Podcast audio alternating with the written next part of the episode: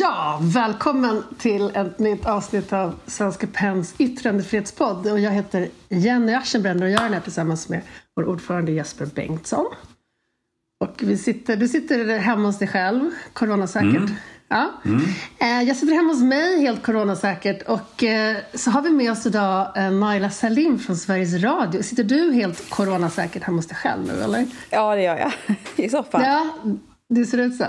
Um, men du har varit uh, på helt andra platser helt nyligen. Du har varit precis ute på en stor reportageresa till Indien, eller hur? Ja, det stämmer. Jag kom hem för bara någon vecka sedan.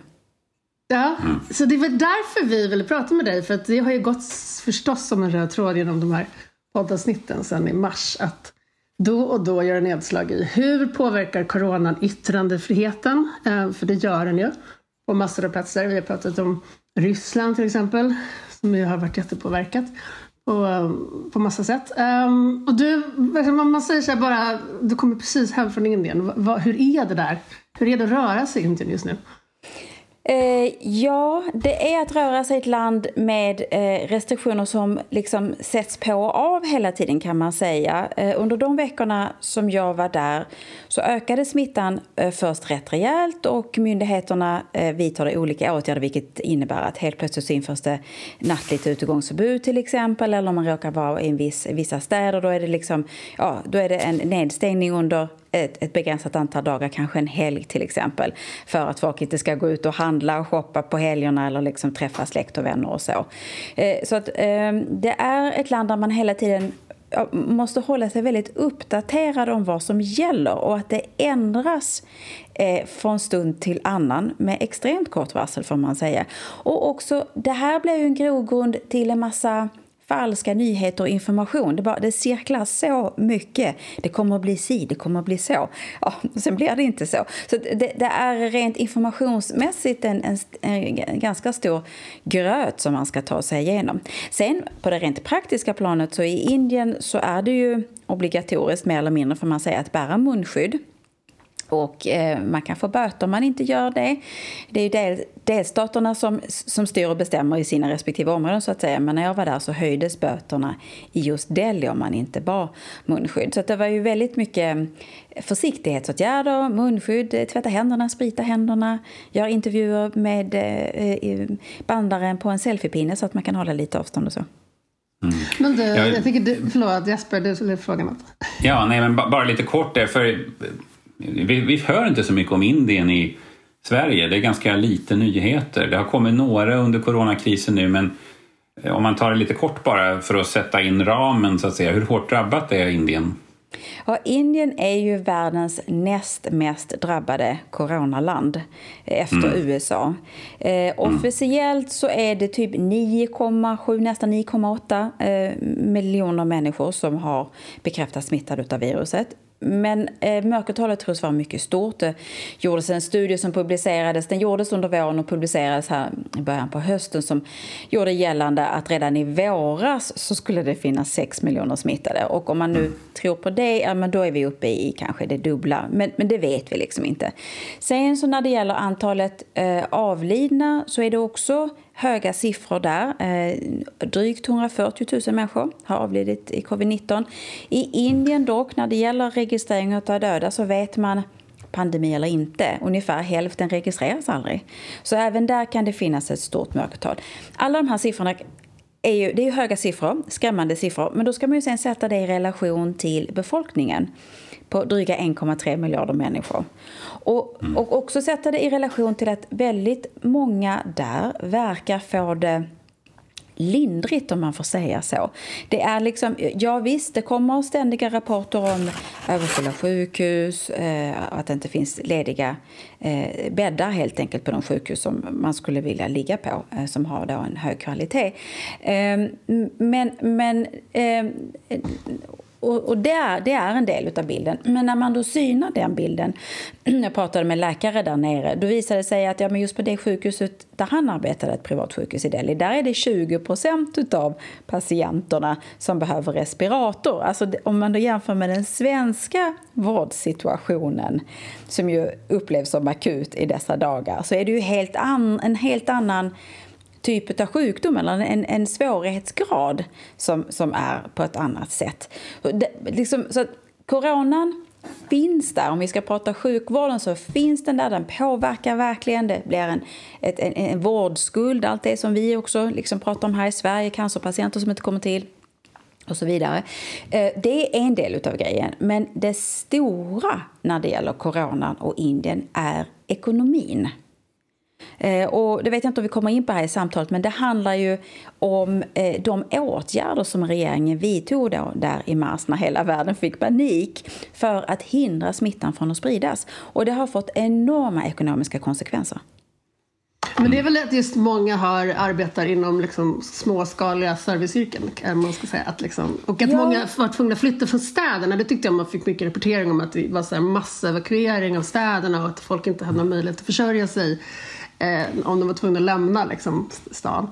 Ja, jo, jo nej, men, men det är, det är, så är det ju. Alltså, den indiska arbetsstyrkan är ungefär 450-500 miljoner människor. Och en väldigt stor del av dem, kanske 80-90 procent, finns inom den informella sektorn. Eh, de flesta arbetar Eh, inom jordbruket och då är de ju redan ute i sina byar. Men sen är det ju miljoner och åter miljoner människor som migrerar till städerna och också det finns en slags växelvis verkan. Man kanske åker hem till sin by, sin region, när det är jordbrukssäsong. När det inte går att liksom tjäna några pengar där, då åker man till städerna. Och den här arbetsstyrkan eh, står oftast utan sociala skyddsnät eh, och utan någon slags välfärdsskyddsnät i den bemärkelse som vi pratar om här i Sverige. Eh, men den är oerhört och har varit väldigt viktig för ekonomin. Alltså den står för en flexibilitet. Om man, eh, I stora indiska städer så, så finns det alltid labour chalks kallas det, dit man kan åka på morgonen. Där står det eh, mestadels män och helt enkelt väntar på jobb. Och det är de som gör, ja, men de kan man dra in i ett bygge, nu behöver vi ändra på fabriken, nu behöver vi det och behöver vi det. Liksom. Man gör det snabbt, enkelt. Eh, mm. och, och, och, de har varit oerhört viktiga. Och de drabbades hårt eh, vid den, i, i nedstängningen i Marsta. Och det är det som man mm. såg bilder på då, människor som gick mil mm. efter mil efter mil hem. Men du, jag bara tänkte på den här gröten. Jag tyckte du pratade om informationsgröten. Ehm, mm. Hur var, jag tycker även eh, då, de måste ju ha vara beroende av information hela tiden. Vart, vart kan man röra sig? Precis som du mm. är när du kommer som journalist. Men hur ser den där gröten ut? Var letar man någon typ av tillförlitlig information om man ska röra sig från en plats till en annan i Indien just nu? Um, är, det, ja. är, det, är det massmedia eller är det liksom Facebookgrupper? Eller hur, hur liksom går det till att så försöka förstå vad som händer?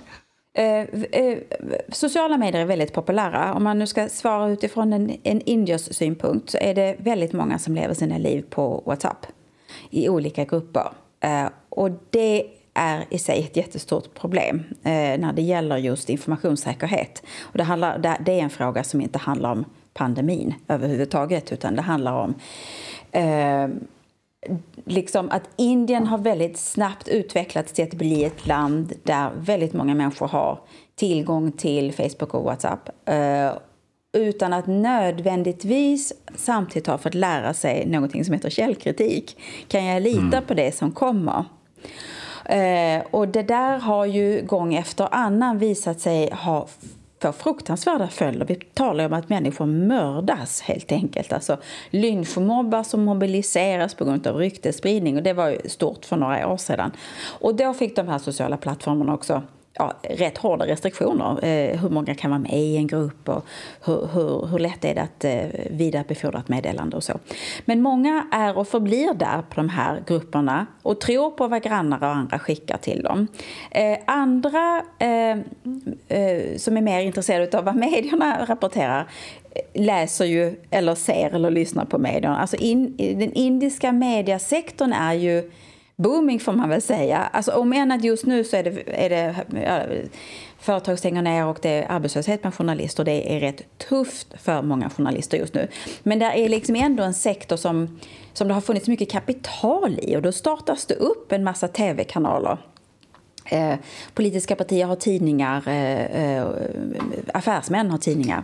Eh, och, och, och det finns liksom mycket information där då. Och då får man helt enkelt läsa vitt och brett och, och, och, och liksom på något vis eh, skaka fram det som är trovärdigt någonstans däremellan. Och sen har vi ju självklart För de även... är, är det liksom som att de är lite vinklade åt olika håll så att man får, eller liksom styr, styrda av olika intressen så att man får pussla en sorts bild av en mosaik av information? Eller? Ja, så kan det verkligen vara. Alltså, jag upplever att de stora engelsktalande mediebolagen när det gäller liksom information, alltså om man nu pratar om pandemin, när det gäller information från myndigheterna så är de ju väldigt snabba med att och helt enkelt rapportera vad ministrar och andra säger, vad som gäller. Där, där tycker jag att det finns liksom en syn, ja, det som kommer, det är det som gäller, det stämmer så att säga.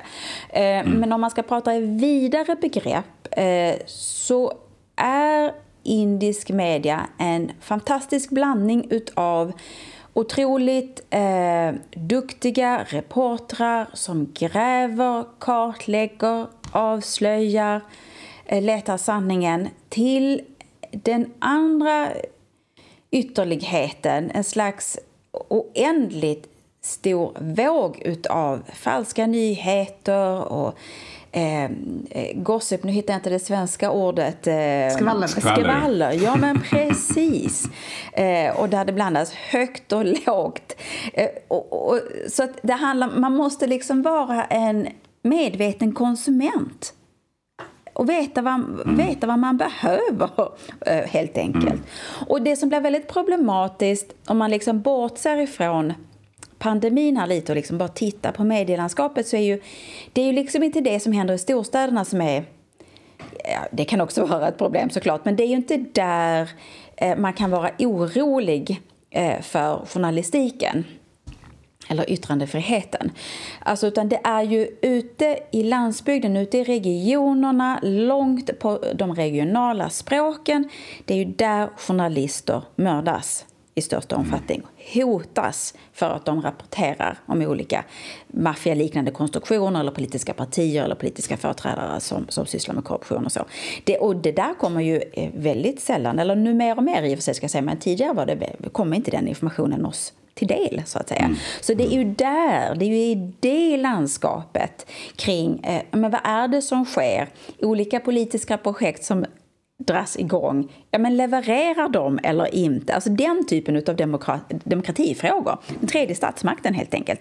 Det är ju där det emellanåt eh, finns rätt stora luckor. Eller framförallt det kan vara väldigt farligt för journalister att jobba. Mm. Eh, har det blivit annorlunda under pandemin? Eller för i många, vi har haft många diskussioner om det i podden här och det finns ju många rapporter från länder där liksom regeringar har använt pandemin som ett sätt att eh, strama åt kring yttrandefriheten. Många har använt så här förtalsparagrafer eller ja, försökt att förhindra granskningar av hur pandemin hanterats och den sortens saker. Finns det Finns det sådana tendenser i Indien också? Eller kanske finns det i delar av Indien? Det är ju ett sånt enormt land med så många delar så att jag tänker att det kan se olika ut också. Ja men absolut, alltså Indien är ju inte ett land, det är mer som en kontinent brukar jag säga. Mm. Eh, ja, jo men det ser man eh, och det eh, faller återigen också faktiskt in i en slags eh, utveckling som vi har sett som började långt innan pandemin. Journalister har eh, kritiserats, ja, attackerats, eh, fått olika slags propåer när man har rapporterat om bristen på skyddsmaterial till exempel på sjukhus och så. Eh, när man har rapporterat kritik kring hur eh, ja, men pandemin har hanterats eh, till exempel. Eh, definitivt, det, det, det, finns där. Det, det finns det. Eh, och det då liksom går in i ett större mönster eh, där journalister har att förhålla sig till ett och det här är lite svårt, till ett klimat, ett samtalsklimat, ett, ett samhällsklimat där åtminstone delar av det offentliga Indien menar att det har blivit mycket, mycket lägre i tak. Att man inte längre kan ha en avvikande åsikt.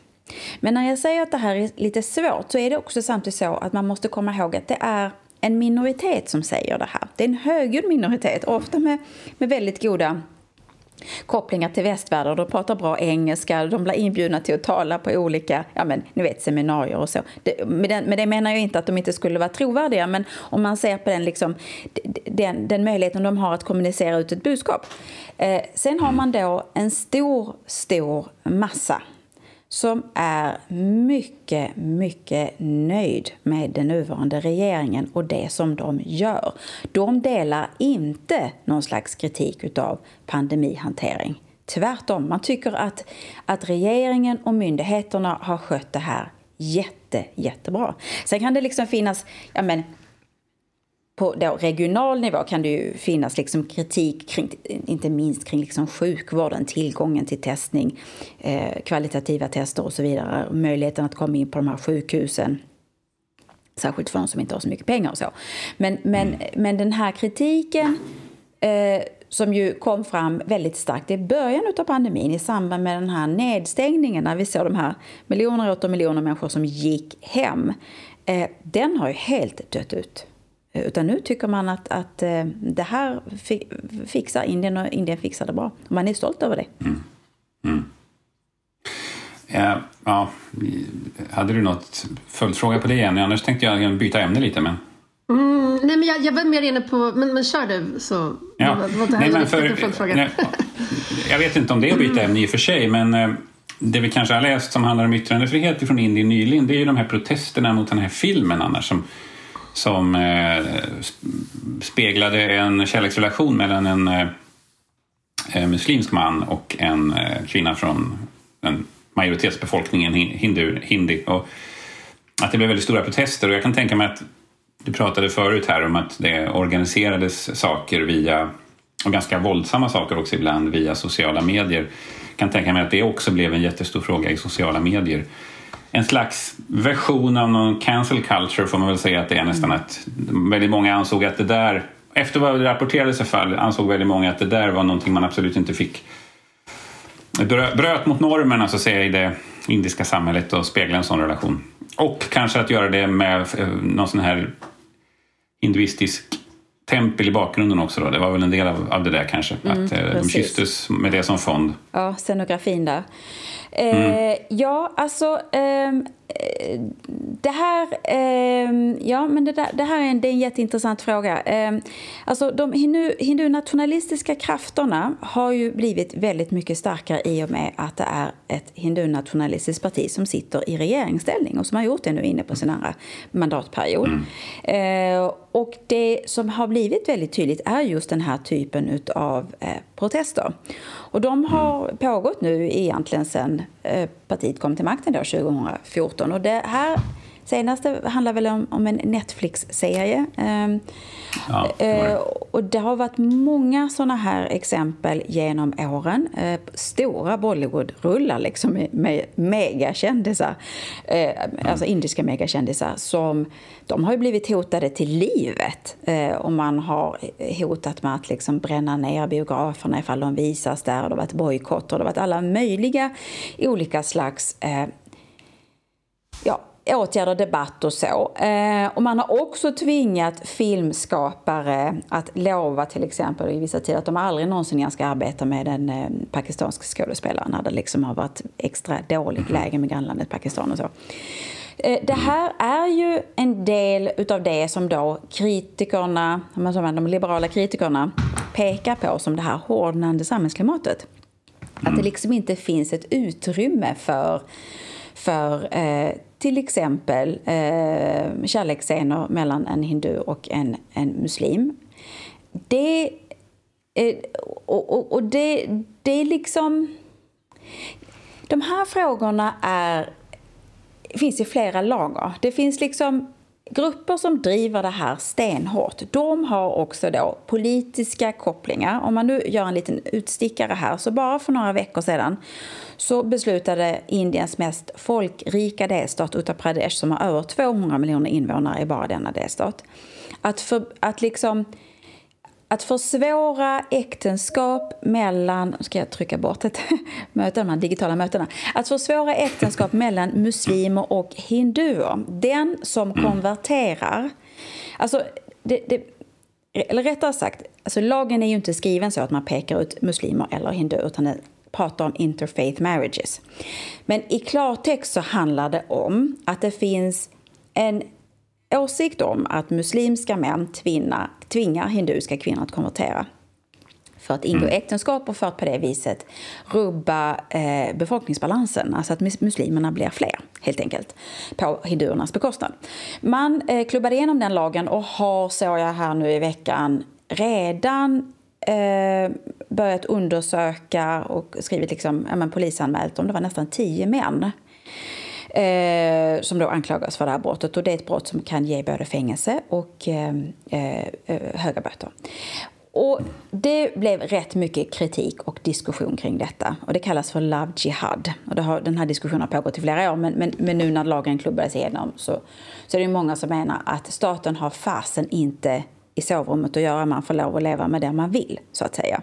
Men det här är ju en del utav Eh, en slags pågående rörelse där man väldigt aktivt arbetar för att skydda och bevara hinduiska värden. Och I de hinduiska värdena är kvinnan och hennes sexualitet en mycket viktig eh, del, eller nästan den viktigaste delen på något vis. Hon får inte besudlas genom att liksom ha en relation med en man från en annan religion, anser de det. Eh, och då blir ju liksom den här typen av eh, påhopp på en film, en tv-serie, mm. Eh, det blir ju en del av det. För man kan ju inte liksom acceptera då att det ska visas pussas på, på, på tv och att det då ska vara okej okay, så att säga. Nu var ju inte det okej. Okay, då kan ju folk få dåliga idéer. Ja, men då kan ju folk få dåliga idéer. Nu, nu, modern i den här tv-serien som jag för, för övrigt har roat mig med att titta på, hon var ju väldigt, väldigt arg. Det där gick ju absolut inte an. så mm heter tv-serien måste ni berätta nu för nu blir jag sjukt nyfiken. Ja, men jag, nu, åh, jag tror att den heter Jag säger också det. Åh, oh, jag borde komma ihåg det. Alltså, jag kollar upp det här sen. Ja, men jag måste få fråga dig Naila, apropå det där vad, vad som är kanske farligt för journalister och inte. Alltså skulle det vara, om man är liksom, säg en kvinnlig journalist som, som protesterar mot den här nya lagen, finns det någon risk för en att göra det? Och, och var skulle i så fall den risken finnas? Liksom?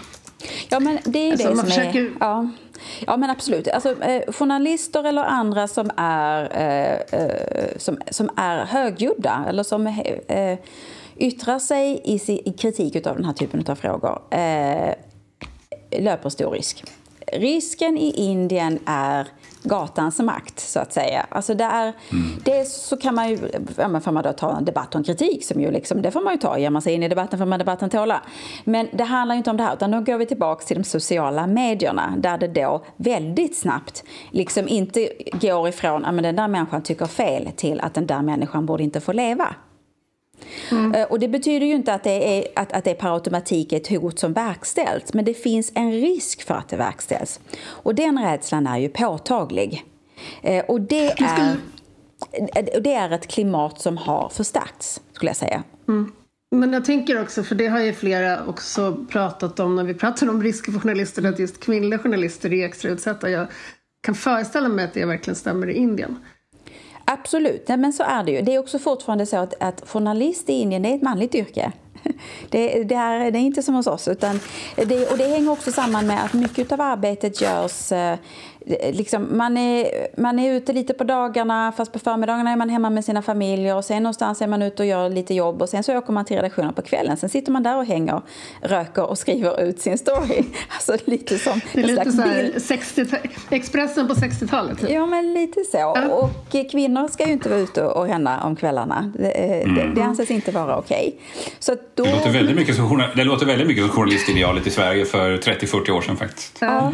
Men jag, jag tänker om man då, som den här typen av hatgrupper mot journalister som ju finns överallt men som sällan leder till så pass mycket konkret våld här, trots allt, eller väldigt, väldigt sällan. Men den faran och det hotet, alltså hur, um, hur bemöter myndigheterna det? Alltså är det någonting som man aktivt försöker bekämpa eller är det någonting man ser med fingrarna på som det ändå lite grann springer ens ärenden? Förstår du mm. vad jag mm. menar? Jag förstår precis vad du menar. Nej, nej, eh Ja, eh, eh, innan jag svarar på den så ska jag också säga att det finns, det finns ju nu för tiden faktiskt också tack vare alla online-medier så finns det ju många kvinnor som har flyttat fram positionerna och som är väldigt tuffa, eh, ska jag säga, så som är ute och gör alla möjliga slags jobb, som är en förebild. Ja, så här är det. Ehm, organisationer som värnar journalisters rättigheter och skydd och så brukar ju inte vara så nöjda med hur de indiska myndigheterna hanterar hot och hat och eh, mord på journalister eh, när det gäller eh, att helt enkelt få folk fällda. Eh, att eh, få tag i rätt person, så att säga. Och, och, och den, som, eh, den som utförde det kan ju verkligen vara relevant att få tag på och att eh, lagföra den personen. Men det kan också finnas någon som sitter bakom som har beställt det, så att säga. och den typen av juridiska processer ser man inte eh, särskilt ofta. Så att nej, eh, det finns mer att önska där. Eh, alltså relationen mellan eh, indiska politiker och mediebranschen är en komplicerad berättelse skulle jag vilja säga. Det ser liksom inte ut som det gör här, att man har en tredje statsmakt som eh, granskar och, och, den, och, och, och de som blir granskade är ja, relativt ofta okej okay med att bli granskade på något vis. så att säga. Eh, det fungerar inte riktigt så i Indien. Eh, det finns en, liksom en annan... Eh, hur ska man säga? Alltså dels så är det ett väldigt hierarkiskt samhälle så att kritisera ministrar och ifrågasätta till höger och vänster det är i sig, i, i, i skarpa ordalag, det är inte helt eh, givet alla gånger skulle jag säga. Det finns de som gör det, absolut, det finns det. Men, men, men det, är, eh, det är eh, fortfarande ett annat slags eh, artighetssystem eller vad man ska säga. Man, man förhåller sig till makten på ett annat sätt. Det är det ena. Sen är det ju så att eh, indiska medier är beroende av att få annonspengar och en stor del av annonspengarna kommer ifrån Eh, regering eller politiska partier som informerar om saker och ting. Eh, det har man använt som påtryckningsmedel när man inte har varit nöjd eh, och helt enkelt bara dragit undan finansieringen vilket gjort det väldigt svårt för de här medierna att klara sig. Indiska politiker har också, och politiska partier har också väldigt nära relationer till olika företag såklart. Det har väl alla i hela världen. Men, men, men, men också med den men med dem, de, dels så det, kan det vara så att de här företagen då faktiskt äger medieföretagen. Eh, och då kan det diskuteras hur högt i taket där. Det kan också vara så att de här företagen kanske inte då just annonserar i vissa medier som är väldigt kritiska och så vidare. Alltså att det finns eh, flera, eh, liksom, nu ska vi se, ska jag trycka bort det. Att det finns liksom flera delar i den här relationen. Sen är det, för att liksom komplicera det ytterligare, det är faktiskt inte så att alla indiska medier håller sig till etikens gränser. Utan, utan även inom medier så finns det liksom de som inte lever upp till de här självreglerande reglerna om liksom, ja, vad man ska respektera och hur långt får man gå. Vilket gör att, att indiska medier också får kritik, rättmätig kritik. Och just nu är, pågår det liksom rättsprocesser mot, mot indiska medier som, som liksom har drivit egna kampanjer och gått över gränser får man nog säga. Eh, som, och, och gått över gränser som påverkar individer så att säga. Där man liksom hänger ut och anklagar människor för att ligga bakom eh, eh, ja, men vissa människors död helt enkelt. Så att säga. Så mm, det är mm. väldigt mm. komplicerat det här. Det går liksom inte bara att liksom säga att den ena är ond och den andra är god. Mm. Det är en gröt. Ja, alla, alla, samhällen har ju, alla samhällen har ju någon slags reglering mot, eh, även om förtal ofta används för att, för att um, tysta det fria ordet så har ju, har ju alla regler, samhällen också någon slags regler som kan vara rimliga mot förtal förstås är en svår balansgång det där. Jag har förresten tagit reda på vad Netflix-serien heter, Jenny, så att du blir mm. Eh, informerad om detta. Kanske lyssnarna också faktiskt. Den ja. heter A Suitable Boy. Ja, Okej, okay. ja. då måste jag se den. Just det. Eh, mm. vi börjar få ont om tid här, men jag måste bara fråga dig Naila, hur, hur liksom, det känns ju dubbelt när du berättar om, om yttrandefriheten i Indien. Å ena sidan så, så är den väldigt liksom, begränsad och det är farligt att vara journalist och det är farligt att vara kritisk.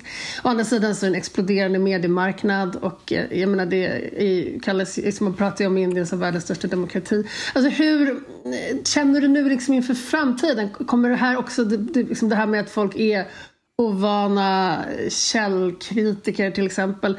Eh, kommer det liksom, tror, tror du att det kommer utvecklas mot så en, en, bättre, större yttrandefrihet eller ett, ett, bättre, mer trovärdigt medielandskap? Eller hur, hur känns det? Liksom?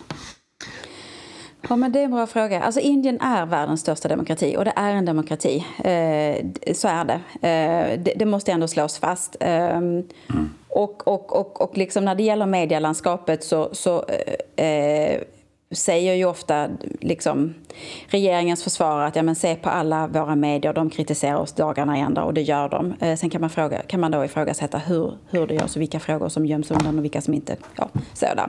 Jag, eh, alltså, jag vill ju gärna vara optimist eh, och, och ser det som att alltså, Indien är ju fortfarande ett land som utvecklas väldigt mycket. Eh, från eh, att ha haft en väldigt stor andel fattiga eh, invånare eh, så pågår då en, en stor klassresa och har gjort de senaste decennierna och den eh, hoppas man att den ska få fortsätta. I takt med det så liksom finns ju åtminstone en förhoppning om att det också ska kunna leda till en utbildningsmässig resa. Alltså det, den resan finns ju redan så att säga, men det ska ju liksom gå ner i många, många led så att säga. Eh, ner mm. till de fattigaste eh, och, och där man också ska komma till diskussioner som till exempel källkritik och så. Eh, jag tror ju att, att det kommer att bli bra i slutändan, men det kommer inte bli bra liksom jättesnart, eh, utan jag tror att man liksom får ha väldigt mycket tålamod. Alltså Sveriges demokrati som är så stabil, den har vi ju byggt jättelänge. Eh, och man får eh, eh, tänka sig att det här med det här liksom också ett, ett medielandskap och tekniska möjligheter som liksom förändrar villkoren för oss alla på ett explosionsartat sätt. Det är väl klart att det kommer att ta tid. Det kommer att ta jättelång tid. Men jag har stora förhoppningar om att det ändå kommer att gå bra. Jag väljer att vara pessimist, eller optimist menar jag. Tack så mycket. Men inte du hade någon mer fråga Jesper? Som Nej, men det var jätteintressant. Ja. Eh, Indien är ju ett sånt där megaland som vi vet alldeles för lite om. Man brukar prata om att vi borde skriva mer om Kina i svenska medier och sådär för att vi skriver så mycket om USA. Men det gäller ju nästan i ännu högre grad om Indien faktiskt. Ja, eh, jag tror att vi alla behöver lära oss mer om Indien. Indien är också en ekonomisk maktfaktor och många svenska företag etablerar sig i Indien.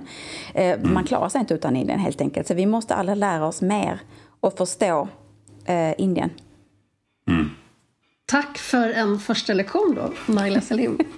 Varsågod. Tack för att jag fick vara med. En stor ära.